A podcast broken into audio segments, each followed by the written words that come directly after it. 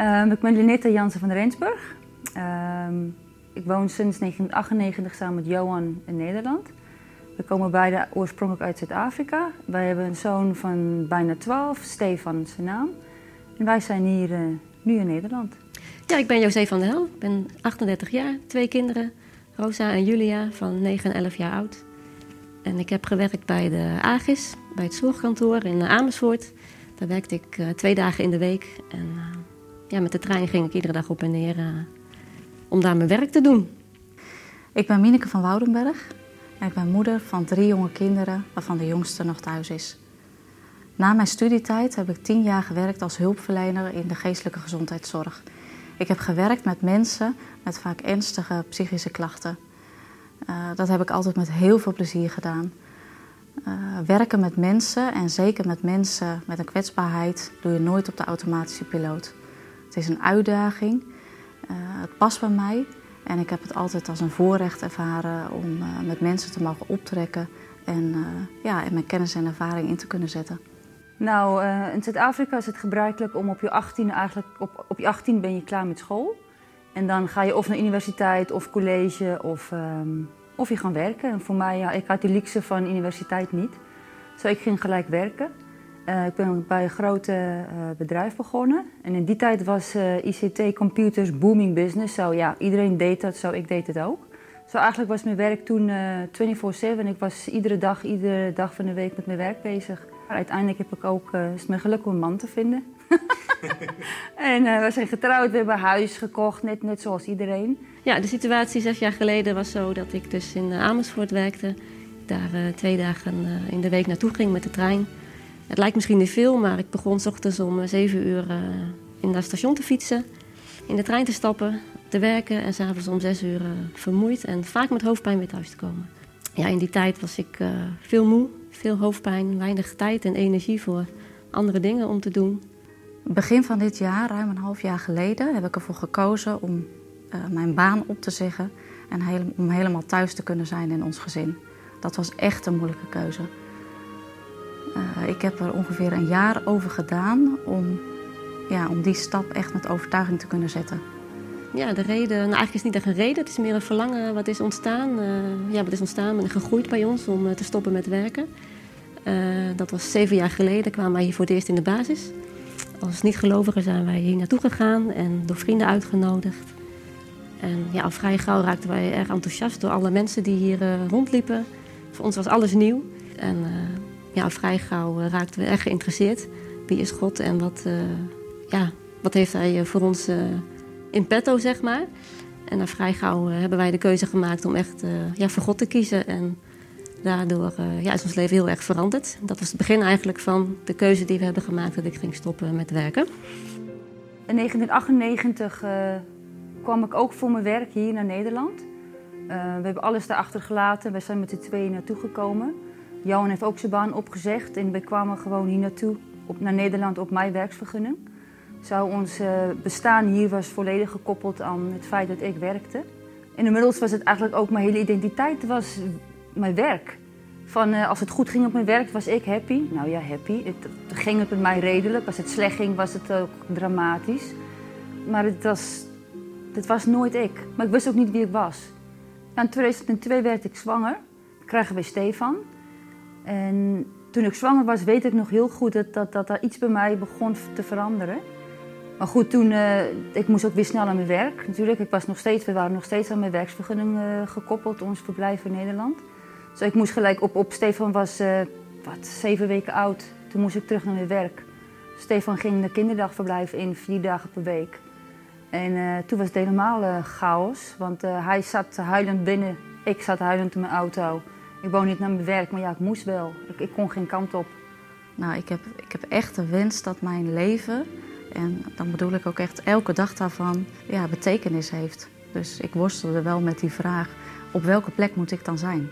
Voor mij werd steeds meer duidelijk dat dat in deze fase van mijn leven thuis is bij onze kids en ter ondersteuning voor Gerard. Uh, wat mij geholpen heeft in het maken van mijn keuze, uh, is dat ik Gerard die extra ruimte heel erg gunde. Uh, en ook het verlangen dat ons huis nog meer een thuis zou zijn voor uh, Gerard en voor onze kids. Wat mij ook geholpen heeft om mijn keuze te maken is de overtuiging dat het Gods bedoeling is dat ik het moederschap echt op waarde weet te schatten. Ik begon ook in te zien dat het moeder zijn een ja, hele serieuze taak is. Het is niet zomaar iets wat je er even bij doet. Het kost veel tijd, het heeft een grote verantwoordelijkheid. En ja, dat heb ik me eigenlijk nooit gerealiseerd. Je bent moeder en je zorgt voor je kinderen, je gaat naar je werk. Dat is een beetje het beeld wat veel mensen hebben, wat ook veel mensen op die manier doen. Um, ja, ik begon in te zien dat dat uh, ja, eigenlijk heel anders ook kan. Ik herinner mij dat ik op een maandagochtend wakker werd. Tegen jou en zeggen, vandaag zeg ik mijn baan op, ik, uh, ik trek het niet. Ik zei, nou ja, als, dan moet je het gewoon doen. En zo is het gekomen dat ik gewoon stopte met werken. Dat is wel rust gekomen thuis. Dat, uh, Johan, Johan was heel druk op zijn werk. Zo, hij kon wel gewoon carrière maken. Hij kon gewoon, voor zijn werk moest hij veel reizen. Zo, hij kon wel makkelijk weg. Het was niet meer, als Stefan ziek werd, was het niet gelijk paniek in de tent van, oh, hoe gaan we dat doen? Of als Stefan vakantie had, was het niet meer een kwestie van, oef, gaan jij eerst drie weken en ik de andere drie weken. Dat, dat speelde allemaal niet meer. De eerste wat Stefan zei toen, hij hoorde dat ik uh, niet meer gaan werken, zei hij, oh, dan hoef ik niet meer naar de BSO. Dat vond hij heel erg, dat hij vanuit school ook nog ergens anders naartoe moest. En dat hoefde opeens niet meer. We gingen naar een doopdienst van uh, Linette, die uh, werd gedoopt. En ook zij werd op deze manier geïnterviewd en haar verhaal uh, kwam voorbij. En zij heeft ook de keuze gemaakt dus om, ja, om voor haar gezin te zijn, om te stoppen met werken. Ja, en toen we dat hoorden, toen, ja, toen wisten we het eigenlijk gelijk. We kregen een soort van zekerheid, een, ja, een bevestiging van ja, dit moeten we nu ook doen. En ja, nog diezelfde avond heb ik mijn ontslagbrief geschreven en op de post gedaan. En ja, twee maanden later zat ik thuis. Het is niet zo dat er in de Bijbel staat dat je als vrouw niet buiten de deur mag werken. Het is geen plicht om, om thuis te blijven. Maar het is wel zo dat er in de Bijbel veel richtlijnen staan, veel aanwijzingen. Ja, die gaan over mijn rol als vrouw en als moeder. Ja, waardoor ik weet dat mijn eerste prioriteit in ons gezin is. En uh, voor mij betekent dat dat de gaven en talenten die God mij gegeven heeft, uh, dat ik die in de eerste instantie in mag zetten in mijn gezin. En dat ook mijn eigen man en mijn eigen kinderen uh, daar de eerste vruchten van moeten plukken. Toen ik, toen ik stopte met werken, was ik al wel met het geloof bezig. Maar niet op een niveau waar ik nu ben. Bij mij is het eigenlijk achteraf pas gekomen, omdat daar toen meer tijd kwam voor, voor stiltetijd, voor, voor, voor bijbelstudie, voor met, met mensen optrekken, uh, uh, um, die met jou weglopen met wie, wie, wie is Christus dan en wie, wie ben jij in Christus. Moet ik eerlijk zeggen dat ik um, nu aan het ontdekken ben van wie, wie ik echt ben als, als kind van God. En niet meer wie de wereld zegt dat je bent. Wat er vooral veranderd is, is dat we veel meer rust in ons gezin ervaren. Rust is echt een, uh, ja, een woord wat steeds weer terugkomt. De hoofdpijn die ik had, waar ik over sprak, die uh, ja, is eigenlijk nagenoeg weg. Ik heb nog wel eens hoofdpijn, maar niet meer in die mate als, uh, als de dagen dat ik nog werkte. Ja, ook voor Richard, mijn man, is het een hele goede keus geweest. Hij was uh, op de dagen dat ik werkte druk met de kinderen staartjes maken, tasjes inpakken, naar kinderdagverblijf brengen, eten koken, nou, het hele rattenplan. En achteraf denkt hij van, nou, dat had ik, heb ik gedaan, maar hij was er niet echt blij mee. Dus ook voor hem is het een hele goede keus dat ik nu thuis ben. Hij komt thuis uit zijn werk kan lekker gaan zitten, zijn verhaal doen. Het eten staat klaar. Ja, dat hoeft hij allemaal niet meer te doen. Dus daar, in die zin uh, ja, is dat ook uh, heel mooi dat ik hem daarin kan helpen en kan ondersteunen. Ja, ik heb een geweldig leuke baan opgegeven. En daarmee ook een stukje financiële zekerheid. Maar ja, toch ben ik ontzettend blij dat ik deze keuze heb gemaakt. Want ik heb nu veel meer ruimte om echt van dag tot dag af te tasten wat onze kinderen nodig hebben. En ook de mogelijkheid om daarop te reageren. Ik ben Linette, ik ben uh, moeder, ik ben een vrouw, ik ben een vriendin, ik ben een zus, kunstenares aan worden. En steeds vrijer aan het worden in het weten dat thuis zijn voor mij echt de redding was en een geschenk uit de hand van God. Mijn naam is José van der Hel. Door de keuze te maken voor het fulltime moederschap ervaar ik veel meer rust in mijn leven en gezin. Achteraf gezien denk ik dat God dit bedoeld heeft voor mijn leven.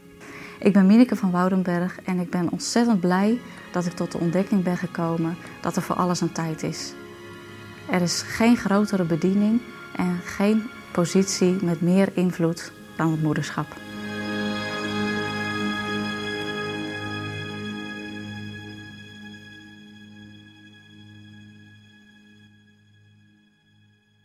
Ja, dat galmt nog een beetje na. Hè?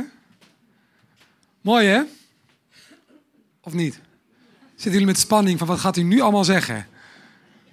Over wat een goede moeder zou moeten doen. Of wat ik, als je moeder bent, hè, als moeder niet zou mogen doen. Misschien ben ik wel een slechte moeder. Volgens de kerk of volgens het christelijk geloof of volgens Martin Brand. Want ik, ik werk nog wel. Parttime of fulltime, wat dan ook. En ik vind het nog leuk ook. En ik heb kinderen. Oh, nu krijg ik vast de wind van voren. Ik doe mijn kinderen vast vreselijk tekort. Nou, laat ik je geruststellen. Mijn doel van vandaag, in deze boodschap die ik nu ga vertellen, is niet om te bepalen, of alsof ik dat zou kunnen, wat goed of fout is in jouw leven. Mineke zei in het filmpje al, geloof en werken als moeder, dat, dat is niet zo heel erg duidelijk een, een rechtlijnig antwoord op gegeven in de Bijbel. Zo van vrouwen die moeder zijn, moeten thuis blijven. Zo zwart-wit is het niet. Helemaal niet.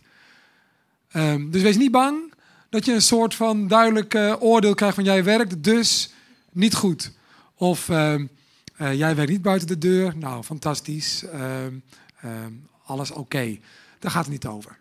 Er zijn redenen voor sommigen van jullie die moeder zijn, dat je wel moet werken buiten de deur.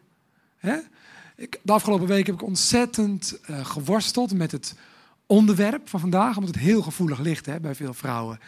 Uh, dit onderwerp moederschap en werken buitenshuis, wel of niet. Omdat er zo over gedacht wordt, over en weer, allemaal maat nemen en zo. Dus ik heb erg geworsteld van wat moet ik nou zeggen. Ik heb op een gegeven moment op internet de moeders zelf maar eens gevraagd op Facebook van hey jongens, of dames eigenlijk, geef me input, geef me inzicht. Tuurlijk heb ik zelf een vrouw thuis die moeder is. Uh, we hebben twee kinderen, een jongetje van drie en een meisje van een half jaar. Dus wij vallen in de categorie jong gezin, jonge ouders. Um, maar geef me meer input.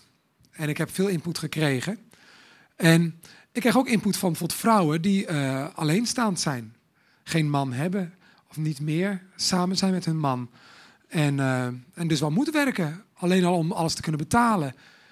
Voor hen die hier nu zitten, die om wat voor reden dan ook niet anders kunnen dan werken buiten de deur, wees nou niet bang dat je de wind van voren krijgt. Ja?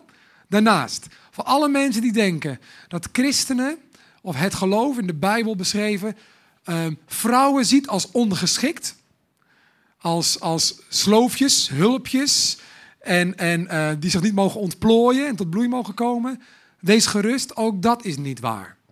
De Bijbel, Jezus, God spreekt heel respectvol en met eerbied haast over het goddelijke wezen, de vrouw. Ja? Ik vind een vrouw fantastisch.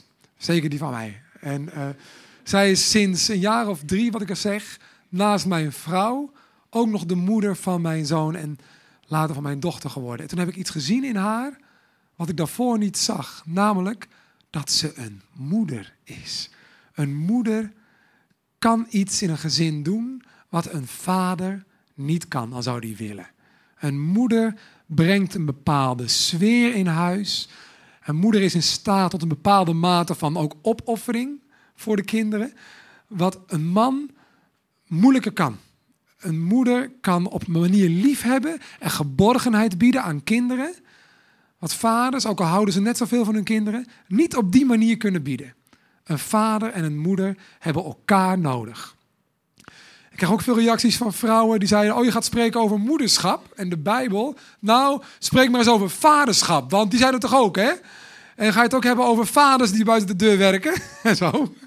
Oh ja, oh, uh, ja, vaders en moeders dragen samen verantwoordelijkheid voor hun kinderen. Moeders hoeven dat niet alleen te doen. Natuurlijk niet. Nou, dat zijn een paar dingen vooraf. Nu gaan we echt beginnen. Ik heb iets, uh, iets meegenomen van, uh, van thuis. Suzanne heeft het twee weken geleden gekocht. En uh, ook typisch iets. Suzanne maakt ons huis gezellig. Maakt er een thuis van. Ook door leuke dingetjes te kopen, kaarsjes aan te steken, noem maar op. Als ik er alleen zou wonen, was het echt een varkensstal. Echt waar. Maar goed, daar herinnert ze me wel eens aan. Ze heeft iets gekocht. En dat is dit. Weet niet of je het kunt lezen, waarschijnlijk niet van grote afstand. Maar er staat: Home is where our story begins. Ons thuis is de beginplek van ons verhaal. Ons verhaal, ons leven begint thuis. En dat geloof ik ook echt. Ik geloof dat ons thuis, ons plekje waar we thuis zijn, dat is onze basis. Hoe het thuis gaat, of er rust is en harmonie, liefde, veiligheid, of chaos, strijd, verwijt, eh, paniek. Wat er thuis speelt, dat zul je meenemen, allemaal mannen en vrouwen en hun kinderen, de dag in. Mannen die een bedrijf hebben, of werken in een bedrijf, of vrouwen die een bedrijf hebben, of werken in een bedrijf, zullen merken, ik kan niet lekker mijn dag ingaan met werk en al, als het thuis niet loopt. Amen. Is dat toch? Als je thuis weer strijd hebt en ruzie, want het is haast. En wie gaat er koken? Oh, flipping, jij toch? Nee, ik heb geen tijd. Oh, strijd, chaos, gedoe. En je moet daarna je werk doen. Dat, dat werkt niet lekker. Er zit een soort ruis in je dag, een soort ruis in je hoofd. En een ontevredenheid. Als het thuis niet lekker gaat, als er strijd is en ontevredenheid, weinig aandacht, weinig harmonie, door de waan van de dag, de gekte waarin we leven, dan zul je dat meenemen in alles. Dus home is where our story begins. Er zijn vrouwen die gemaakt zijn, geloof ik echt, om um, in de maatschappij iets heel moois te doen. Misschien wel binnen een bedrijf of organisatie. Daar is niks mis mee. Maar als die vrouwen het thuis als moeder en als vrouw van, een, van, een, van een partner, of misschien zijn ze alleengaand, als het thuis niet voor elkaar is, als het thuis niet loopt, dan zullen ze ook in hun werk op een bepaald moment spaak lopen, vastlopen. Is toch zo? Het is een kaartenhuis, je leven, een bouwwerk. En als het aan de basis niet klopt in je huis, zal uiteindelijk alles in elkaar knallen. Thuis is je eerste plek, je uitvalsbasis, je rustpunt waar het begint en waar je ook weer thuis komt aan het eind van de dag. Daarnaast is er nog een ding waar ik aan moet denken als ik dit lees. En dat is de uitkomst van ontelbaar veel onderzoeken van psychologen, psychiaters, noem maar op, hulpverleners. Die zeggen als kinderen een veilig, warm nest hebben gehad waar aandacht was, waar liefde was, eigenlijk aanwezigheid van ouders, vader en moeder. Die kunnen veilig opgroeien. Krijgen een veilige basis, waardoor ze zich kunnen hechten aan hun ouders, maar later ook daardoor aan vrienden, vriendinnen, een keer een levenspartner. Wel eens gehoord dat gehechtheid en de mogelijkheid dat je leert je hechten alles met veiligheid te maken heeft. En dat die veiligheid alles te maken heeft met het idee, de ervaring, papa of mama, of het liefst allebei, zijn er voor mij. Er is ruimte voor mij. Er is een thuis waar ik word gezien, waar ik niet een lastpost ben, maar waar ik word gezien en waarin mij wordt geïnvesteerd. Ik, ben er, ik hang er niet bij. Het mag ook om mij draaien in huis. Niet heel egocentrisch dat zien, maar ik word gezien en er wordt in mij geïnvesteerd. Als dat niet ontstaat, en daar hebben de hulpverleners tegenwoordig een handen vol aan, als kinderen niet gezien meer worden, niet gehoord meer worden, als er geen tijd is, of veel strijd en stress en chaos en um, onbalans, dat is het woord, in het gezin, in het huis, dan krijgen die kinderen daar last van. Sommigen grote last, sommigen de rest van hun leven, worstelen ze dan met zich ergens thuis voelen, zich hechten. Want ja, dat hebben ze dan niet geleerd. Ouders Jullie vormen je kinderen, vaders en moeders, samen. En samen hebben vaders en moeders de verantwoordelijkheid gekregen om een thuis te creëren waar kinderen veilig kunnen opgroeien. Dat is een uitdaging, hè? Of niet? Ik vind dat een grote uitdaging, want we leven nu in een tijd, in een maatschappij, waarin rust, harmonie, ehm, Sommigen noemen het zen, maar zo zou ik het in de kerk niet noemen. Maar het hele in balans zijn, weet je, wat nu een soort ding wordt waar iedereen naar streeft. We streven ernaar en er zijn zoveel tijdschriften over en cursussen, omdat we het niet hebben. Ja? Iedereen is gejaagd, mannen en vrouwen. Er is een soort wind in Nederland die eigenlijk blaast in de richting van iedereen moet streven. Iedereen moet klimmen. Iedereen moet presteren en iets worden. En met name moeders, geloof ik, nog wel meer dan vaders, ervaren die druk, omdat hun rollen, um, de lat ligt zo hoog. Ik las ehm, op, op een website van een hulpverlener die veel vrouwen helpt um, het volgende. Ik zal het je voorlezen. Even kijken over al die verwachtingen en, en rollen die je moet spelen als, als vrouw. En zeker ook als je dan ook nog moeder wordt op een bepaald moment. Dat is dit wat er staat. Deze vrouwen ervaren veel druk ehm, en haast een ondoenlijke opdracht. Want ze moeten goed uit blijven zien. Ja, dat houdt dus in sportschool, uh, kleding, weet ik wel. Uh, tijd aan je uiterlijk besteden. Je moet, als je de deur uitgaat of ergens komt, zo, je ziet er goed uit. Ja, goed uit. De zaakjes blijven zien, ook naar kinderen. Ja. Uh, een perfecte partner zijn. Dus als je man dan thuis komt, hè, dat je dan ook nog ruimte hebt en aandacht en liefde. Uh, een bruisend seksueel leven ook. Hè, dat het ook spettert tussen de lakens. Dus energie en zo daarvoor. Um, carrière maken. Dus hè, kijk eens, je kan ook nog carrière maken. Dus een goede loopbaan, je werk goed doen, je opleiding doen. En daarna ook dus een beroep doen wat daarbij past. En nou ja, jezelf ontplooien eigenlijk, hè, tot bloei komen. Um, daarin. Daarnaast een sociaal leven onderhouden, ook nog. Dus je hebt ook nog vriendinnen hè, die, die sms hoe het gaat. Zo. Oh ja, daar moet je ook nog een keer op reageren. En je krijgt mailtjes en dan moet je ook nog wat mee. En je moeder is ziek, dan moet je langs. En, oh. en dat alles moet goed gaan. Ja? Dat alles moet goed gaan. En iedereen weet dat het niet kan, maar, maar iedereen probeert het toch.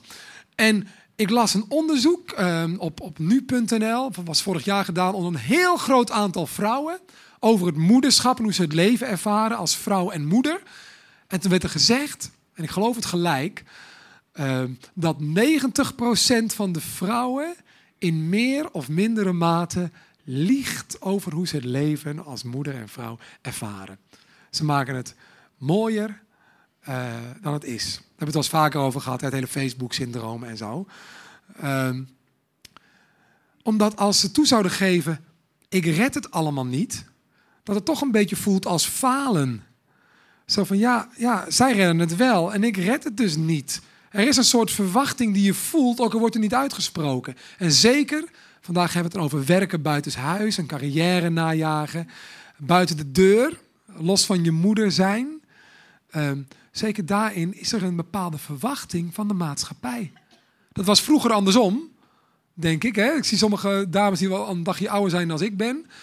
Um, dat was vroeger andersom. Als je dan ging werken buiten de deur, was het zo nog niet werken. Oh, de kinderen. Oh, oh. Dan was het misschien um, nat dan om, om een carrièrevrouw te zijn. Werd je een beetje raar naar gekeken. De man was de kostwinner vanaf, vanaf een bepaald moment. En de vrouw was dan thuis met de kinderen. Deed het huishouden, huisvrouw. Nu is het andersom. Nu is er een, druk vanuit de maatschappij naar vrouwen toe om, de, om te gaan werken. Om, om gewoon naast het moederschap in de maatschappij, buiten de deur, een baan te hebben en carrière te maken. Jet Bussemaker, minister hè, cultuur en onderwijs, die zei in een bepaald programma. Ja, een hoop moeders eh, in Nederland voelen zich schuldig naar hun kinderen toe als ze veel buiten de deur zijn. Maar ze moeten zich eerder schuldig voelen naar de maatschappij die zoveel heeft geïnvesteerd in deze moeders. Um, want dat is ook een investering en de maatschappij heeft die vrouwen ook nodig om, om mee te draaien in de economie. En, en voor onze vergrijzing die straks komt, om, om daar ook een stukje van de oplossing voor te bieden door te werken en zo. Dus je voelt een soort uh, druk, denk ik. En het voelt haast als een soort, een soort minderwaardige rol als je als vrouw ervoor zou kiezen om thuis te blijven.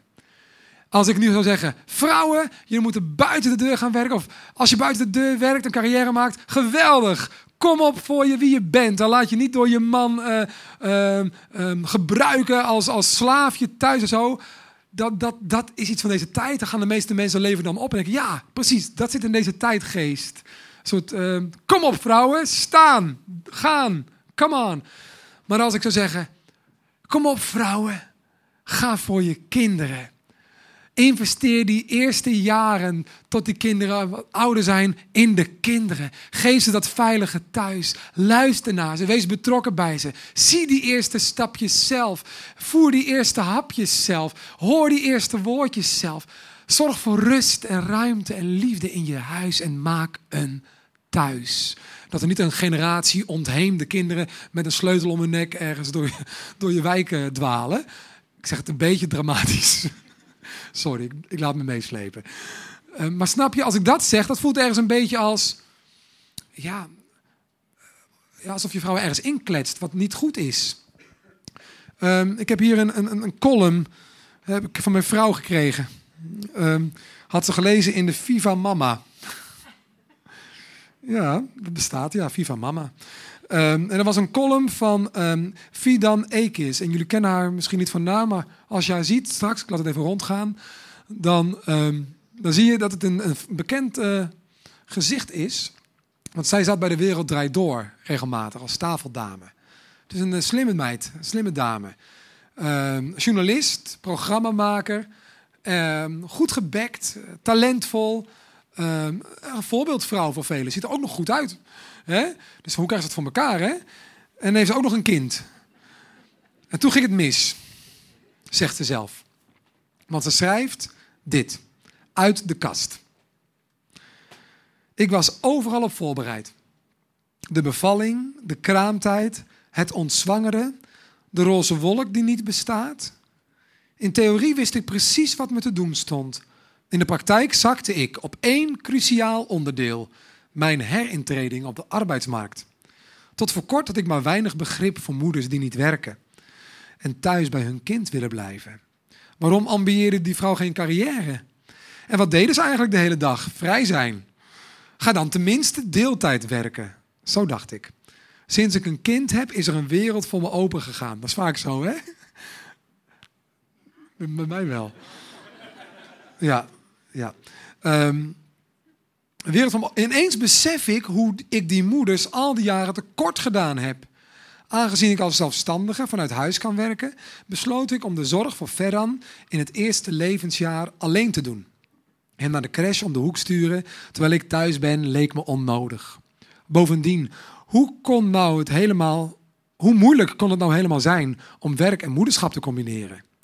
Negen maanden na de bevalling ben ik volledig gevloerd uitgeteld. Ik kom nauwelijks toe aan werken. Ik wil graag aan de slag, maar wanneer en hoe moet ik dat doen? De zorg voor een baby is meer dan een fulltime job. Het is topsport. En met een man die correspondent is in Duitsland is het nog harder werken. Verder pieker ik me vooral suf over de briljante uitvinding waarmee ik in één klap rijk kan worden. Dat lijkt me in deze situatie toch het meest praktisch. Telkens wanneer ik vrienden en oud-collega's spreek, probeer ik die ene vraag te omzeilen. Hé, hey, wat doe jij nu?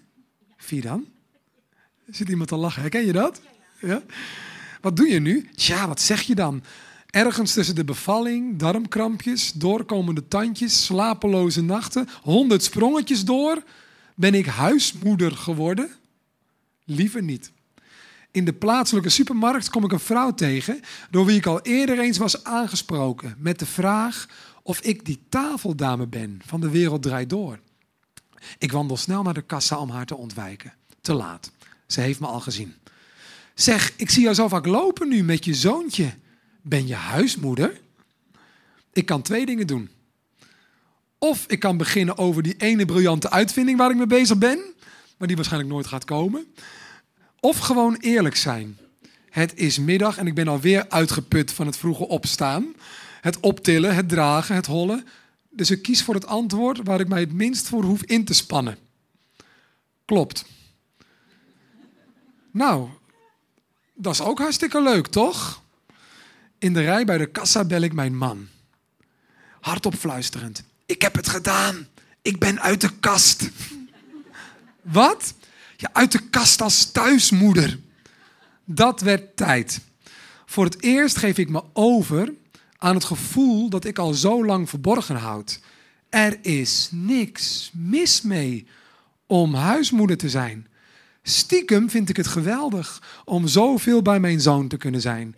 En ik schaam me ervoor dat ik het fulltime moederschap zo heb onderschat. En ik ben alle huismoeders een excuus schuldig. Wie zegt amen? Amen. Ja, het is amen. Het is de meest belangrijke taak in je leven, ook van een vader en van een moeder, om hun kinderen ouders te bieden die er zijn. Jullie weten dat ik een paar keer op het randje van de dood heb gebalanceerd. Dus veel van jullie. Toen ik weer wakker werd, waar dacht je waar mijn eerste gedachten waren? Had ik maar wat meer gewerkt? Nee. Wat had ik graag meer tijd met mijn zoon doorgebracht? Ik sprak George Furber, hij is de oprichter van een zendingsorganisatie. Uh, duizenden mensen hebben met zijn club gewerkt. Werkt nu in 106 landen, de club. En heel groot, heel succesvol zou je zeggen. Hij werd als senior op het podium gehaald, bijna 70 jaar. Geïnterviewd over zijn leven en werk. Toen werd hem de vraag gesteld, in dit geval een vader. Hè? George, waar heb je nou het meest spijt van en wat zou je deze generatie jongeren mee willen geven? Toen begon hij te huilen op het podium. Oude baas. Ik dacht, oh man, ik heb alleen maar bewondering voor je. Heb jij ergens spijt van? Je hebt zoveel gedaan. Toen zei hij, ik was er nooit bij. Ik heb die stapjes van mijn zoons niet gezien. Ik was niet bij de uitvoeringen. Anderen waren erbij. Ik heb mijn kinderen niet zien opgroeien. En ik heb de hele wereld willen beïnvloeden. Maar ik heb mijn kinderen veel minder beïnvloed dan ik had gewild. En dan zei hij met tranen tegen alle vaders en moeders en aankomende vaders en moeders in de zaal. Je eerste roeping, where your story begins, is at home. Daar begint het. Het hoeft daar niet te eindigen, maar het is je basis. Als 90% van de vrouwen, volgens dat onderzoek hè, wat ik noemde, al liegt over het is te veel, het is te zwaar, zou het dan niet tijd worden dat je dat eerlijk gaat toegeven en dat je durft te gaan meebewegen met de roeping die in je hart leeft. Het is niet verkeerd om te werken. Heus niet. Voel je niet schuldig als je werkt en een carrière hebt. Ik val je niet aan. Prima vrouw die werkt. Mooi, geweldig. Maar het wordt voor jouzelf en voor jouw gezin wordt de, de zegen een vloek eigenlijk. Hè? Op het moment dat je gezin eraan gaat lijden. Want jij zelf zult op je sterfbed ook terugkijken. En als eerste denken aan je gezin en pas daarna aan werken. Ik ken geen moeder die zegt: Oh, voordat ik ga, één ding. Had ik maar wat meer uren gedraaid voor die keuken? Uh, nee, dat doet, nie, dat doet niemand. Sorry voor de plastische voorbeeld. Dat, heb ik, dat, is een, dat is een afwijking. Dat, gebeurt, dat ziet me dan te binnen. Maar snap je? Dat je op je, op je sterfbed denkt, had ik maar wat meer verdiend. Want de meeste mensen werken voor luxe, toch? Is toch zo? Ik sprak een, vrouw op Facebook. Ik heb tientallen reacties gehad op dit onderwerp. Dus veel voorbeelden van zowel werkende vrouwen als thuisblijfmoeders, als ik zo mag noemen. Um, en en um, verschillende moeders die ervoor gekozen hadden om minder te gaan werken of te stoppen met werken of nog twijfelen, die zeggen: Ja, ik werkte eigenlijk voor de luxe dingetjes. Hè? Mijn man zorgde voor het brood op de plank. En ik was dan voor, de, voor, de, voor het luxe beleg, bij wijze van spreken. Hè? We hadden het wel, de basis. Maar ja, die extra vakantie, bijvoorbeeld, daar werkte ik dan voor. Of, of, of de computer, de nieuwe computer. Of gewoon de luxe dingetjes, de apparaten. De, het iets luxer kunnen leven, iets meer comfort. Daar, werkte ik dan voor. Um, en sinds ik gestopt ben, moeten we echt uitkijken zeggen sommige mensen. Uitkijken op de uitgaven. We kunnen niet meer zo luxe leven. Uit eten is er niet meer bij, of veel minder. Waar we vroeger heel vaak bestelden. Wel dat we wat komen. Hè? Of waar we vroeger zeiden, oh, weet je wat, we gaan ergens even naar pizzeria toe. Gaan we daar eten. Dat doen we niet meer. Maar ik ben bij mijn kinderen. En mijn kinderen hebben mij. En ik kan een warm, vertrouwd thuis bieden. Dat is me het waard. Mineke zei in het filmpje, alles heeft een tijd. Dat vond ik wel mooi en nuchter. Zo van, hé, hey, het is niet een levenslang uh, ding van, nou, je mag niet meer werken of je mag überhaupt niet werken. Nee, het is gewoon een keuze maken om te zeggen, wat vind ik belangrijk en wat vind ik het belangrijkste? En dan kijken, hoe kan ik die prioriteiten in mijn leven, die idealen, omzetten in beleid, zeg maar. Implementeren in mijn leven.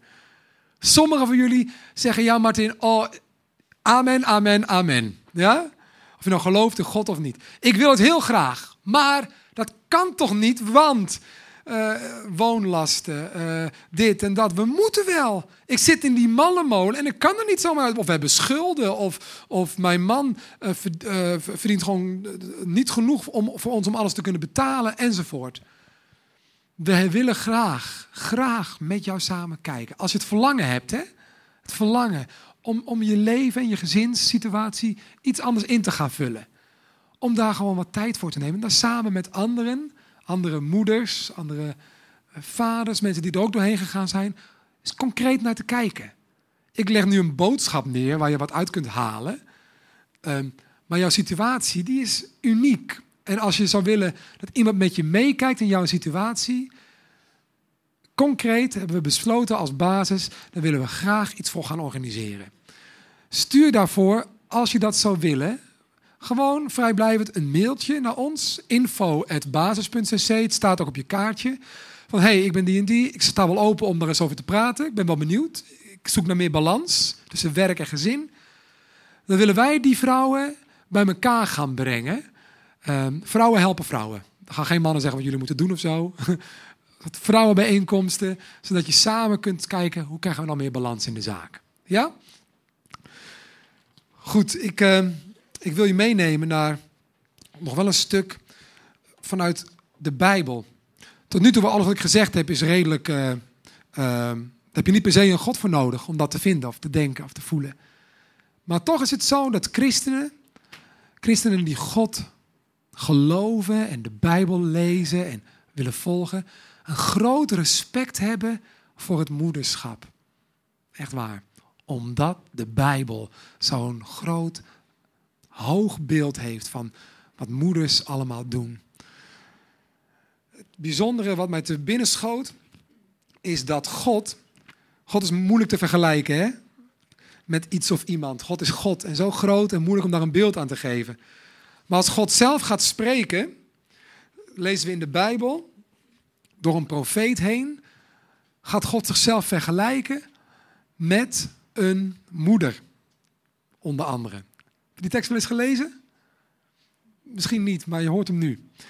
Jesaja staat het. Jesaja was een profeet. God sprak door hem heen. 49. Daarin gaat het over het volk, de kinderen van God, die zich verlaten voelden. Die voelden zich verlaten. En dan staat er dit. Sion zegt, dus het volk zegt, de Heer heeft mij verlaten. Ik ben alleen. De Heer is mij vergeten wordt niet gezien. En dan zegt de profeet, maar kan een vrouw haar zuigeling vergeten? Of harteloos zijn tegen het kind dat zij droeg? Zelfs al zou zij het vergeten, ik vergeet jou nooit. Ik heb je in mijn handpalm gegrift. Tot hier. Dus God zegt, als je mij een beeld wil geven gewoon iets wil voorstellen bij hoe ik ben en hoe ik voor je wil zorgen, denk dan aan hoe een vrouw gaat voor haar kind, voor haar zuigeling. Zo ga ik voor jou, zegt God. En zoals een vrouw er zal zijn voor haar kind, en een man ook, daar hebben we het ook over in de basis, maar vandaag over moeders. Zoals een vrouw gaat voor haar kind, voor haar zuigeling, zo wil ik gaan voor jou. Maar ik vind het gaaf dat God zich vergelijkt met een moeder. Dat beeld zet hij neer. Een moeder die er is. Een moeder die haar kind niet vergeet, haar kind niet verlaat. Maar zoveel mogelijk gaat voor dat warme thuis. Over zuigeling gesproken, ik eh, las een verslag van een lactatiekundige die zich zorgen maakte dat, dat eigenlijk de borstvoeding steeds minder eigenlijk uh, iets is wat vrouwen, waar vrouwen voor kunnen kiezen, eigenlijk, ook al zouden ze het willen. Want zo moeilijk te combineren is met onze maatschappij. He? Met werk en drukte en zo. En, en, weg moeten en weinig tijd hebben en een beetje gestrest je al voelen. Dat is niet een goede combinatie met borstvoeding. Dat vraagt om iets anders. He? Um, terwijl het zo, zo goed is voor de band tussen moeder en kind. En dat het zo gezond is voor de baby. Niks kan daar eigenlijk tegenop. Hier gaan weer sommige vrouwen zich schuldig voelen. Daar zeg ik het niet voor hoor. Echt niet. Ik wil je niet pijn doen. Maar ik wil je eigenlijk uitdagen om nog eens onder de loep te nemen. Hey, wat vind ik nou het belangrijkste in mijn leven? En komen die dingen er al uit? Of word ik geleefd omdat ik meegenomen word? En denk dat ik van alles moet. Ja? Een tweede, voor de vrouwen die hier zijn, die christen zijn. Een tweede reden om tijd voor je gezin bovenaan je lijstje te zetten. En als het daar goed loopt, dan verder te kijken, is dit. Wie gaat jouw kinderen beïnvloeden? Ik kreeg een bericht, ook van de week, van twee of drie moeders die gekozen hebben om thuis bij de kinderen te zijn en ze zelf op te voeden, grotendeels, omdat ze jarenlang hadden gewerkt in de kinderopvang. Dat vond ik bizar. Dus jij stuurt je kind niet naar de kinderopvang omdat je werkte bij een kinderopvang. Dat zeg je dus eigenlijk. Heb je niet je best gedaan dan? Gebeuren er zulke vreselijke dingen?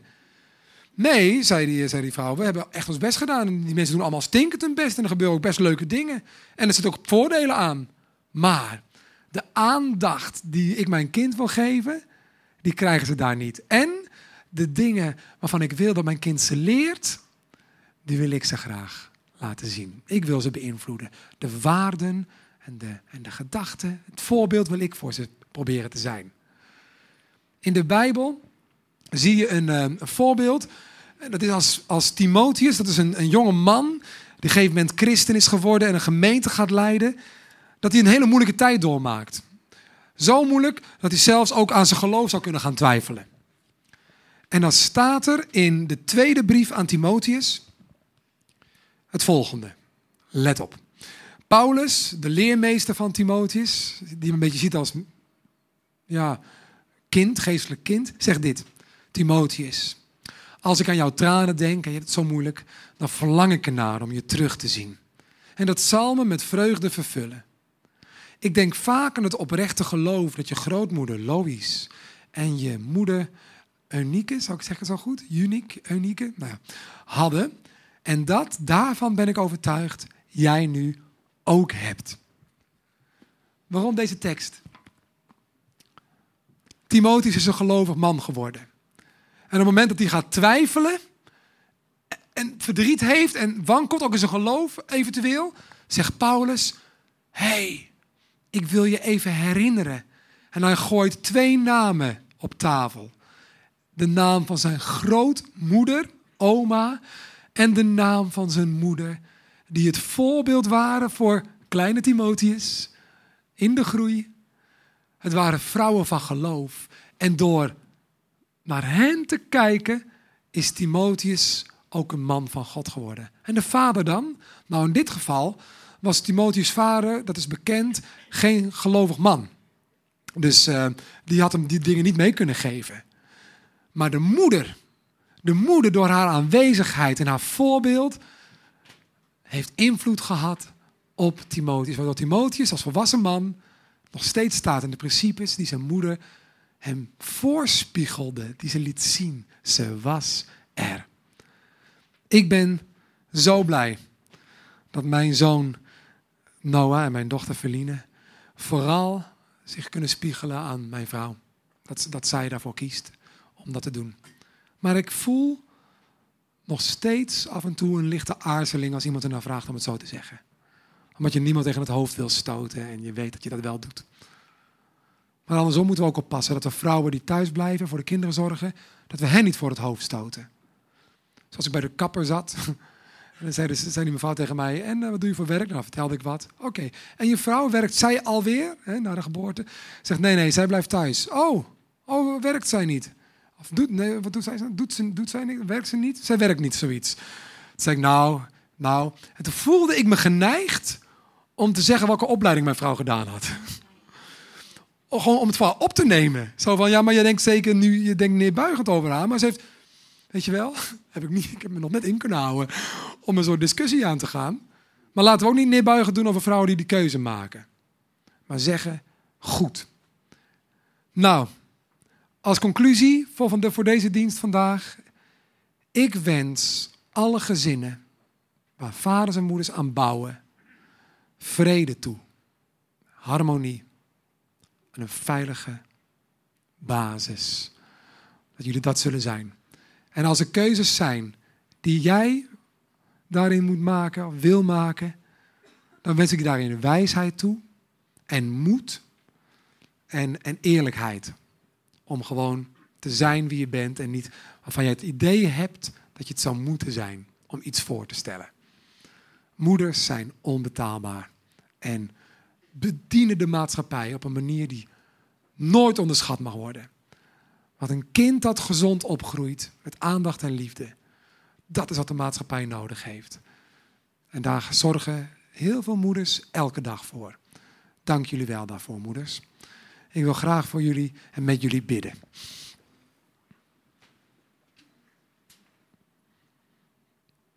Vader in de hemel, u die u zelf heeft vergeleken met de moeder die haar kind niet vergeet. Dank u wel dat u ons niet vergeet. Dank u wel dat u naar ons luistert en voor ons bent. Dat we geborgen bij u mogen zijn. Dat we mogen schuilen bij u als het stormt buiten.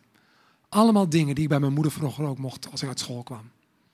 En ik bid voor de moeders hier dat ze van u de wijsheid zullen ontvangen om het moeder zijn als een, als een eervolle roeping uit te leven. Heren, dank u wel dat u kinderen aan ons heeft toevertrouwd zijn. Wilt u ons helpen om, waar het nodig is, offers te brengen om deze kinderen veilig thuis te geven? Vader, u weet ook hoe ik persoonlijk heb geworsteld met deze toespraak. Ik ken zoveel werkende moeders die het zo goed doen en die alle ballen zo goed omhoog weten te houden. Heer, dat niemand zich hier veroordeeld zou voelen vandaag. Dat heb ik niet willen doen. Maar iedereen zich hier aangemoedigd weet om thuis bovenaan het lijstje te zetten. En vanuit daar de rest, als daar ruimte voor is. In Jezus' naam. Amen. Amen. Goed, we gaan uh, een lied zingen tot slot. Ik wil jullie uitdagen om een boekje eventueel mee te nemen van deze dienst als je meer zou willen weten. Er is namelijk speciaal voor deze dienst een boekje voor jullie um, besteld en het ligt daar achter op tafel. Het heet Vrouw naar Gods hart. Het is een dagboekje met korte stukjes voor elke dag. Bemoedigend. Niet om je af te straffen en dingen die je zou moeten doen, maar eerder om je te bemoedigen in wat goed is. Neem dat gerust mee. Het kost niet veel. Als je het niet kunt betalen, dan komt het ook wel goed. Ja, geef het dan maar gewoon aan. Dan regelen we wel wat. Um, het is belangrijker dat je het boekje eventueel gaat lezen als je dat zou willen. Vrouw naar Gods hart. We zingen het zegenlied en uh, als je na wil praten, kom gerust.